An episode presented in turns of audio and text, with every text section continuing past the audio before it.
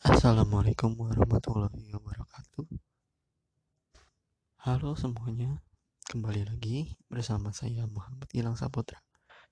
Di podcast kali ini, saya akan membicarakan tentang salah satu masalah yang sedang hangat pada saat ini, yakni pelaksanaan demokrasi di Indonesia di kala pandemi. Bicara tentang pelaksanaan demokrasi Indonesia saat ini, sudah pasti kita akan langsung terpikirkan tentang Pilkada 2020 yang akan digelar pada akhir tahun ini.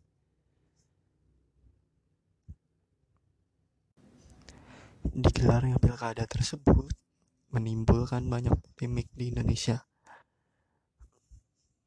dan juga membuat banyak masyarakat curiga akan permainan dari oknum-oknum di pemerintahan.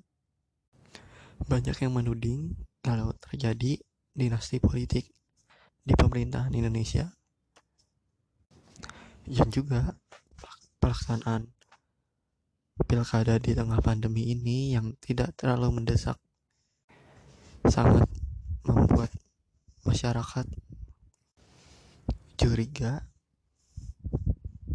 dan juga menjadi malas untuk memilih. Untuk pelaksanaannya sendiri, pilkada pada tahun 2020 disebutkan bahwa akan menerapkan protokol kesehatan yang ketat. Namun masyarakat sudah cenderung tidak percaya dengan adanya pandemi corona pada saat ini.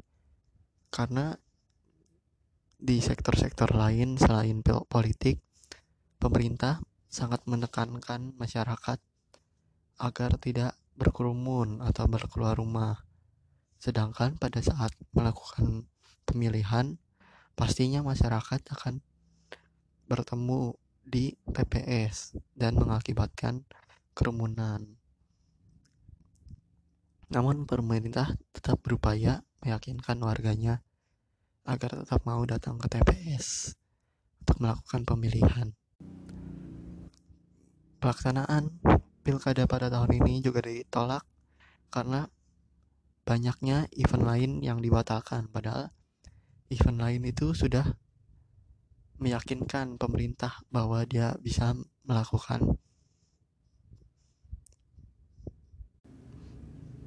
atau menerapkan protokol kesehatan yang ketat seperti liga sepak bola atau acara-acara bulu tangkis, serta sekolah-sekolah yang ditutup.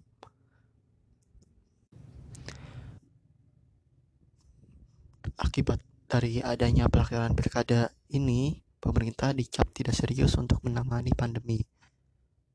Padahal statistiknya kasusnya semakin hari semakin meningkat dan masyarakat tentunya berharap pemerintah semakin waspada dan juga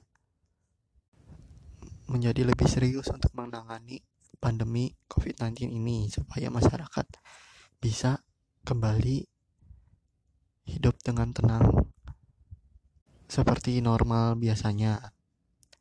Sekian podcast saya hari ini. Wassalamualaikum warahmatullahi wabarakatuh.